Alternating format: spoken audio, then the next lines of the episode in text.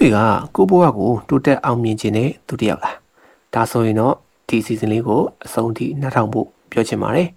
ကျွန်တော်ကတော့ season တင်ဆက်သူကိုပြပါကျွန်တော်တို့လူသားတိုင်းကဘဝတိုးတက်အောင်မြင်မှုတွေကိုလိုချင်ကြတယ်အော်မိတ်ဆွေရောကျွန်တော်တိုးတက်အောင်မြင်ခြင်းတယ်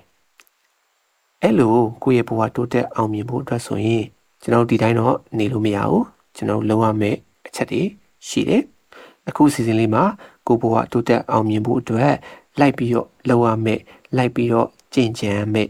အချက်၅ချက်အကြောင်းကိုပြောပြပေးတော့မှာဖြစ်ပါတယ်ကဲအဲ့ဒါဆိုရင်တော့အချိန်ဆွဲမနေတော့ဘဲနဲ့အစီအစဉ်လေးကိုခုပဲစလိုက်ချင်ပါတယ်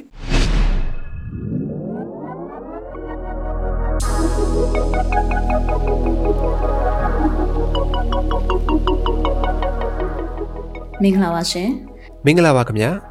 မြန်မာစီနီမာအဘလတီနက်ဝက်ကထုတ်လွှင့်တဲ့ရီမောမောပေါ့ပေါ့ပပအစီအစဉ်ကနေကြိုဆိုလိုက်ပါတယ်ဒီအစီအစဉ်ကမြန်မာလူမှုနယ်ပယ်မှာမတန်ဆွမ်းမှုအသိပညာတွေညှင့်တင်ပေးနိုင်ဖို့မတန်ဆွမ်းအတိုင်ဝန်ကဖြစ်ရက်ဆုံးကဏ္ဍဆုံးကိုမတူညီတဲ့ရှုထောင့်ပေါင်းစုံကနေလွတ်လပ်ပွင့်လင်းတဲ့တွေးခေါ်ဆင်ခြင်နိုင်မှုတွေနဲ့မျှဝေလူသားသူတွေရဲ့အသံတွေကိုပြုစုပြောထောင်ဖော်ထုတ်ပေးနေခြင်းဖြစ်ပါတယ်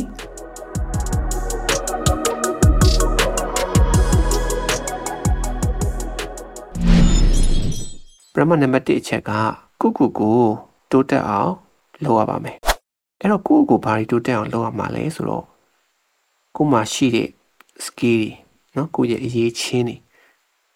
ဒါတွေကိုအရင်ဆုံးတိုးတက်အောင်လုပ်ရပါမယ်ကိုဘာမသိသေးဘူးလေကိုမသိသေးတဲ့ပညာရပ်တွေကိုလေ့လာသင်ယူမယ်ဒါမှမဟုတ်ရှင်လဲကိုသွားခြင်းနဲ့နေပဲနော်အာကိုသွားခြင်းနဲ့လမ်းချောင်းအဲ့နဲ့ပတ်သက်တဲ့ပညာရပ်တွေ လေ့လာသင်ယူဖို့တွေလုပ်ရပါလိမ့်မယ်ဒီနေ့လိုခေတ်ကြီးမှာဆိုလို့ရှိရင်ဒါနီးပညာကအရန်ကိုထွန်းကားနေတာဖြစ်တဲ့ကြောင့်မလို့ကျွန်တော်က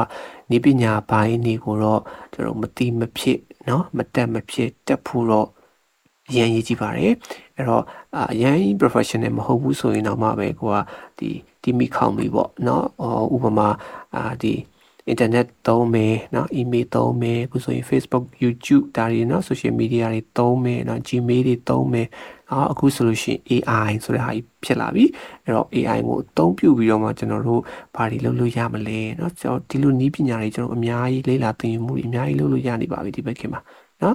အဲ့တော့ပြီးတော့တခုအားသာချက်တခုရှိတာကကျွန်တော်တို့ဟိုအရင်ကလို့တခုခုကိုသင်ချင်တယ်ဆိုလို့ရှိရင်ကျွန်တော်သင်တန်းတွေကိုတွားတက်ရတာမျိုးမဟုတ်တော့ဘူး online ကနေပဲကျွန်တော်အိမ်ထဲမှာနေပြီးတော့မှเนาะဖုန်းလေးတစ်လုံး internet လေးရှိနေုံနဲ့လေ့လာသင်ယူမှုတွေလုပ်လို့ရနေပါပြီเนาะ online class တွေတက်မလားအာဒါမှမဟုတ်ရှင်လဲအာ sub study အနေနဲ့ကျွန်တော်ဒီ website ဒီမှာလေ့လာမလား YouTube မှာလေ့လာမလားစသဖြင့်เนาะလေ့လာစရာဒီလက်နေရလဲပေါင်းစုံပါပဲအဲ့တော့အဲ့တော့ကိုရက်တည်ခြင်းနဲ့နေပဲကိုဝါသနာပါတဲ့ပညာရက်ကိုစိတ်ဝင်စားတဲ့ပညာရက်ဒါတွေကိုအရင်ဆုံးလေ့လာသင်ယူရင်းနဲ့မှာကိုမှလိုအပ်နေတဲ့ အရေးအချင်းတွေတိုးတက်လာအောင်လုပ်ဖို့လိုပါတယ်ဒါနံပါတ်1အချက်ပါအဲ့တော့နံပါတ်2အချက်အနေနဲ့ကတော့ကိုယ်တိုင်တာဝန်ယူမှုတာဝန်ခံမှုရှိဖို့လိုအပ်ပါတယ်ဆိုတော့အဲ့ဒါကဘာလဲဆိုတော့အဲ့တော့ရှေ့မှာပြောခဲ့တဲ့ကိုယ့်ရဲ့အရေးချင်းကိုတိုးတက်အောင်လုပ်နေတဲ့အချိန်မှာကိုကိုယ်တိုင်ကတာဝန်ယူမှုတာဝန်ခံမှုမရှိဘူးဆိုလို့ရှိရင်အဲ့ဒီအဲအရေးချင်းတွေတိုးတက်အောင်လုပ်နေတဲ့ဖြစ်စဉ်ရလဲ ဟိုအလက်ကားပဲပေါ့နော်ဘာမှသုံးရမှာမဟုတ်ဘူးပေါ့ဆိုတော့ဟိုဘယ်လိုမျိုးလဲဆိုတော့ဗျာဟိုတနေ့ကို2နာရီအချိန်ပေးပြီးတော့အင်္ဂလိပ်စာလုပ်မယ်ကိုကအဲ့လိုမျိုးစီစဉ်ဆွဲထားတယ်နော် plan လုပ်ထားတယ်ပေါ့နော်ဆိုတော့အဲ့ဒါဒီကျွန်တော်တို့ကဘယ်သူမှသွားပြီးတော့ပြောထားတာမဟုတ်လေနော်ဘယ်သူမှသွားပြီးတော့ပြောပြထားကြလည်းမလိုဘူးနော်တရားရုပ်ကိုသွားပြီးတော့မှဟေးငါတနေ့နှစ်နာရီအင်္ဂလိပ်စာလုပ်မယ်ငါ့ကိုသတိပေးပေးဆိုပြီးမှကျွန်တော်အဲ့လိုတပြောထားလို့လည်းမရအောင် တနေ့ကိုနှစ်နာရီအင်္ဂလိပ်စာလုပ်မယ်ဆိုတဲ့ဆုံးဖြတ်ချက်ဒီကိုယ့်ရဲ့ဆုံးဖြတ်ချက်ဖြစ်တယ်ကိုယ့်ကိုပြန်ပြီးတော့ပေးထားတဲ့ဂတိလည်းဖြစ်တယ်ပေါ့နော်ဆိုတော့အဲ့ဒီပုံမှာကိုယ်ကပြန်ပြီးတော့တာဝန်ယူမှုတာဝန်ခံမှုအနေနဲ့တနေ့ကို2နာရီအင်္ဂလိပ်စာမဖြစ်မနေလုပ်ရပါတယ်အဲ့ဒါကိုယ့်ရဲ့တာဝန်ယူမှုတာဝန်ခံမှုပါအဲ့တော့ကိုကကိုတယောက်တည်းပဲသိတာပဲဆိုပြီးတော့မအောင်ငါဒီနေ့တရက်တော့အာနားလိုက်ပါဦးမလေးငါမနေ့ကလှုပ်ထားတာပဲအဲဒီနေ့တရက်တော့နားလိုက်အောင်မယ် အာဒီနေ့အိတ်လိုက်အောင်မယ်ဆိုတာမျိုးဒါမှမဟုတ်ဂိမ်းလေးဆော့လိုက်အောင်မယ်အပြင်လေးသွားလိုက်အောင်မယ်အဲ့တော့ဒါမျိုးဆိုရင်ကိုယ့်ကိုတာဝန်ယူမှုတာဝန်ခံမှုမရှိဘူးလို့ဒါကျွန်တော်ပြောလို့ရတယ်ပေါ့နော်အဲ့တော့ကိုဆုံးဖြတ်ထားတဲ့ဆုံးဖြတ်ချက်ကိုကိုပေးထားတဲ့ကတိကိုတည်အောင်ကြိုးစားတာပေါ့နော်ဒါသည်ကိုကိုတာဝန်ယူမှုတာဝန်ခံမှုရှိတယ်လို့ဒါသတ်မှတ်ခြင်းဖြစ်ပါတယ်အဲကြောင့်မလို့အဲ့လိုကိုယ့်ရဲ့အရေးချင်းတွေတိုးတက်အောင် နော်ကိုဘဝတိုးတက်ဖို့အတွက်နော်ကိုဘဝအောင်မြင်ဖို့အတွက်ကြိုးစားနေတဲ့အချိန်မှာကိုကိုယ်တိုင်နော်ကိုကိုယ်တိုင်ရဲ့တာဝန်ယူမှုတာဝန်ခံမှုတွေကရှိဖို့ကလည်းရန်ကိုအရေးကြီးပါတယ်နောက်နံပါတ်3ချက်အနေနဲ့ကတော့ကျွန်တော်တို့ပန်းနိုင်နေရွေးချယ်သတ်မှတ်ပါအဲ့တော့ပန်းနိုင်နေရွေးချယ်သတ်မှတ်တဲ့အခါမှာကျွန်တော်တို့ကနေ့စဉ်နေ့စဉ်နေ့စဉ်နဲ့အမျှစပန်းနိုင်တေးတေးတေးလေးလည်းရှိမယ်နောက်ကိုရီကေလူချင်းတဲ့ပန်းနိုင်အကြီးရတော့တခုပေါ့လေအဲ့ဒါတော့သက်ပေါ့ အဲ့တော့အဲ့ဒီပန်းနိုင်အကြီးယူရောက်ဖို့အတွက်ကျွန်တော်တို့နေ့စဉ်ဖြတ်တန်းရတဲ့ပန်းနိုင်တေးတေးလေးရှိတယ်ဥပမာကျွန်တော်တို့ကအာဒီအင်္ဂလိပ်စာပေါ့နော်အင်္ဂလိပ်စာကိုအလုံးဝကျွမ်းကျွမ်းကျင်ကျင်နဲ့နော်ပြောတတ်ခြင်းနဲ့သူတယောက်ဖြစ်ခြင်းနဲ့ဒါကတော့ကိုယ့်ရဲ့အန်နီမရီမန်ချက်ပေါ့နော်ပန်းနိုင်အကြီးကြီးပေါ့အကြီးကြီးအင်္ဂလိပ်စာကိုကောင်းအောင်မွန်ကျွမ်းကျွမ်းကျင်ကျင်နဲ့နော်ရေးသားပြောဆိုနိုင်တဲ့သူဖြစ်ခြင်းနဲ့ဆိုတော့အဲ့ဒီ ပန်းနိုင်ကိုရောက်ဖို့အတွက်ဆိုလို့ရှိရင်နေ့စဉ်အင်္ဂလိပ်စာလေ့ကျင့်ရမယ်လေ့လာရမယ်သင်ယူရမယ်ဆိုတော့နေ့စဉ်နေ့စဉ်ကျွန်တော်လုပ်ငန်းစဉ်လေးရှိတယ်ပေါ့နော်အဲ့ဒီလုပ်ငန်းစဉ်လေးမှာခုနပြောတဲ့တနေ့ကို2နာရီအင်္ဂလိပ်စာငါရအောင်လုပ်ကိုလုပ်မယ်ဆိုတော့ဆုံးဖြတ်ချက်ဒီပန်းနိုင်ဖြစ်တယ်ဆိုတော့ဒီနေ့အင်္ဂလိပ်စာ2နာရီလုပ်မယ်ဆိုတော့ပန်းနိုင်အဲ့ပန်းနိုင်ကိုကိုကတေချာလေးချမှတ်ထားတယ်ပေါ့နော်တေချာလေးချမှတ်ထားတယ်အဲ့ချမှတ်ထားတဲ့အတိုင်းကိုလည်းတာဝန်ယူမှုတာဝန်ခံမှုရှိရှိနဲ့ကိုက လုပ်မယ်ဆိုလို့ရှိရင်နေ့စဉ်နဲ့မြန်အဲ့ဒီပန်းတိုင်းလေးတွေကိုကျွန်တော်ကကြော်ဖြတ်ရင်ကြော်ဖြတ်ရင်ကြော်ဖြတ်ရင်နဲ့မှနောက်ဆုံးကိုလိုချင်တဲ့ပန်းတိုင်းအကြီးစုရောက်တာမှဖြစ်တယ်ပေါ့နော်အဲ့တော့ထိုနည်းလက်ကောင်းပဲတခြားသောကိုလိုချင်တဲ့အရာလေးတွေနော်ဒါလေးတွေကိုလည်းနေ့စဉ်နဲ့အမြမှာကွာနော်ပန်းတိုင်းတိတိလေးလေးတိတိလေးလေးချမှတ်ထားပါဆိုတော့ဟို daily မဟုတ်ဘူးနော်နေ့စဉ်မဟုတ်ဘူးဆိုရင်တော့မှာပဲဥမာနေ့ရက်တစ်ခါ၃ရက်တစ်ခါနော်ဒီ၃ရက်ပြည့်ဝရင်ငါဘာဖြစ်ရမလဲ ငါရက်ပြီးသွားရင်ငါဘာဖြစ်ရမလဲဆိုတာမျိုးပေါ့နော်အဲ့လိုမျိုးလေးတွေလည်းကျွန်တော်ပန်းနိုင်တတိလေးတွေချသွားလို့ရတယ်ဆိုတော့အဲ့လိုပန်းနိုင်တတိလေးတွေစုပေါင်းပြီးတော့မှပန်းနိုင်အကြီးကြီးတစ်ခုစီကိုကရောက်သွားမှာဖြစ်တယ်ပေါ့နော်အဲဒါကြောင့်မလို့ပန်းနိုင်နေရွေးချယ်သတ်မှတ်ဖို့ကလည်းအရေးကြီးပါတယ်ပြီးတော့နောက်ဆက်နံပါတ်၄အချက်ကတော့အခက်အခဲတွေကိုကြော်လွှားသွားဖို့ဖြစ်ပါတယ်ကျွန်တော်တို့အဲ့လိုမျိုးနေ့စဉ်เนาะကျွန်တော်တို့စူးစမ်းနေတဲ့အခါမှာ နော်ပိုကတူတဲ့အောင်မြင်မှုအတွက်လေးလာတင်မှုတွေလုပ်နေတဲ့စူးစမ်းနေတဲ့အခါမျိုးမှာနော်အခက်အခဲတွေဆိုတာကတော့ဖြစ်လာမှာပဲအခက်အခဲတွေဆိုတာကတော့တွေ့လာမှာပဲအဲ့တော့ဟိုအခက်အခဲအကြီးအသေးနော်ဒီအပေါ်မှာမူတည်ပြီးတော့ကျွန်တော်အဲ့ဒီအခက်အခဲလေးကိုကြော်လွှားသွားမှာဖြစ်ပါတယ်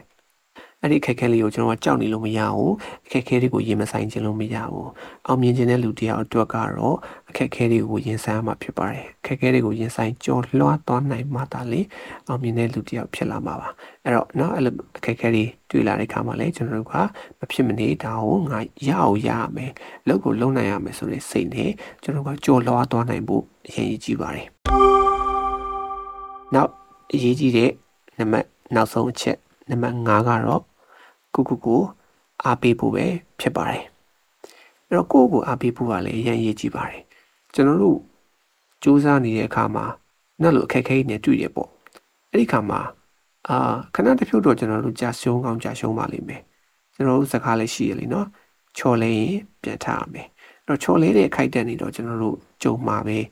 နော်အဲ့လိုအခါမျိုးတွေမှာကျွန်တော်တို့ရဲ့ဘေးမှာအားပေးမဲ့သူတွေရှိကြမှာရှိလိမ့်မယ်ကိုယ်နည်းနည်းထွေးထွေးနဲ့နော် အပေးနှစ်သိမ့်ပေးမဲ့သူတွေရှိကြမှာရှိလိမ့်မယ်ဆိုတော့ဒီနေ့လိုခေတ်ကြီးမှာဆိုရင်ပူဆိုးတာကလူငယ်တွေဒီအာနေကနေရန်ကုန်ကိုတယောက်တည်းလာပြီးတော့အလုပ်လုပ်ကြရတယ်။ဟောမြန်မာနိုင်ငံကနေပြီးတော့မှတခြားနိုင်ငံတွေမှာသွားပြီးတော့မိသားစုနဲ့ခွဲခွာပြီးတော့မှတယောက်တည်းသွားပြီးတော့မှအလုပ်လုပ်နေကြရတယ်။အဲ့လိုခါမျိုးတွေမှာကိုပေးမှာအားပေးမဲ့သူဆိုတာမရှိဘူး။ကိုနှစ်သိမ့်မဲ့သူဆိုတာမရှိဘူး။အဲ့ဒီအတွက်ကြောင့်မလို့ကိုကိုရိုင်းဒီ ကိုရဲ့အားစေးပဲကိုကိုပြန်ပြီးတော့အားပေးရမယ်ကိုကိုပြန်ပြီးတော့နှစ်သိမ့်ရမယ်အဲ့တော့အခုနလိုအခက်အခဲကြီးနဲ့တွေ့လို့ကြာရှုံးနိုင်ကြာရှုံးနိုင်မှာငါလုံနိုင်တယ်နော်ငါလုံနိုင်ရမယ်အာငါငါမိသားစုအတွက်ဒါမှမဟုတ်ရှင်လည်းငါဖြစ်ချင်တဲ့ရည်မှန်းချက်အတွက်ငါ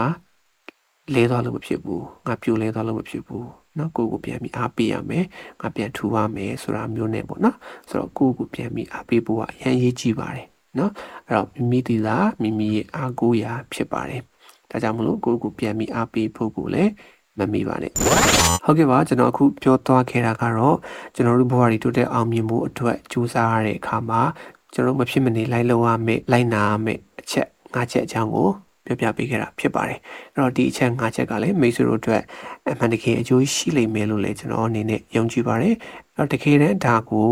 နော်လိုက်ပြီးတော့ လောက်ကြည့်မယ်နော်ရုံရုံကြည်ကြည်နဲ့တကယ်ကိုလိုက်နာပြီးတော့လောက်ကြည့်မယ်ဆိုလို့ရှိရင်တော့တကယ်ကိုမှအောင်မြင်လာပါလိမ့်မယ်နော်ထူးခြားမှုလေးတွေကြုံတွေ့လာပါလိမ့်မယ်ဆိုတော့ဟို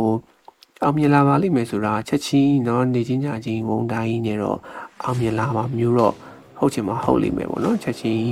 မီလီယံနာဘီလီယံနာကြီးဖြစ်သွားမှာတော့မဟုတ်ဘူးပေါ့နော်ဆိုဒါပေမဲ့နေ့စဉ်နဲ့အများကိုကတဖြည်းဖြည်းပြောင်းလဲလာမှာပေါ့နော်ဆိုတော့မနေ့က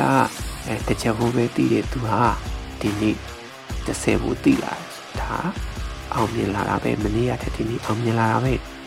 အဲ့တော့မနေ့ပြန်ကြရင်တရားဘူးတည်အောင်စူးစမ်းမယ်ဆိုတာမျိုး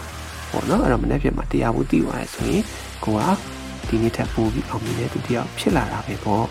ဒီလိုမျိုးနှလုံးသွင်းပြီးတော့နေ့စဉ်နဲ့မြနော်စူးစမ်းသွားမယ်ဒီအချက်၅ချက်ကိုကိုကလက်ကင်ထားပြီးတော့မှပေါ့နော်စူးစမ်းသွားမယ်ဆိုလို့ရှိရင်ဒီနေ့မိတ်ဆွေတို့လိုချင်တဲ့ အောင်မြင်မှုပန်းနိုင်စီကိုမလွဲမသွေရောက်နိုင်ပါလိမ့်မယ်လို့ဒါကျွန်တော်အနေနဲ့ပြောချချင်ပါတယ်။အဲ့တော့ဒီနေ့စီစဉ်လေးကိုနားထောင်လိုက်ရတဲ့ကြောင့်မလို့မိတ်ဆွေတို့ကြိုးရှိလိမ့်မယ်လို့ထင်ပါတယ်။အဲ့တော့နောက်တစ်နောက်ထပ်အစီအစဉ်လေးပါလေ။အာမိတ်ဆွေတို့အတွက်ကြိုးရှိတဲ့အစီအစဉ်လေးတွေကိုစူးစမ်းပြီးတော့တင်ဆက်ပေးသွားပါဦးမယ်ဗျ။ဆုံးတိအဆင်ပေးခဲ့ကြတဲ့မိတ်ဆွေတယောက်ချင်းစီအားလုံးကိုကျေးဇူးထူးပဲတင်ရှိပါတယ်။နောက်အစီအစဉ်လေးမှာထပ်ပြီးတော့ဆုံတွေ့ပါအောင်မယ်ဗျ။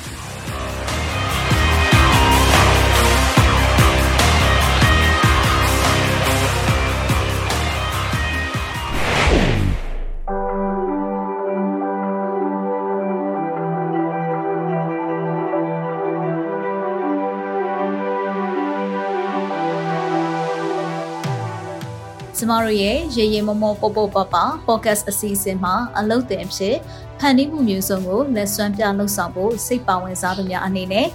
Google Form ကနေပြီးတော့မှမိမိတို့ရဲ့မှတ်ပုံတင်ရှင်းနှောင်းနဲ့အလှတက်ပုံတစ်ပုံအပြင်နမူနာလက်ရာတစ်ခုနဲ့အတူအမြင့်ဆုံးရှောက်ထားဖို့ဖိတ်ခေါ်လိုက်ပါရစေ။နောက်တစ်ပတ်ဗုဒ္ဓဟူးနေ့မှာပြန်ဆောင်ကြရအောင်နော်။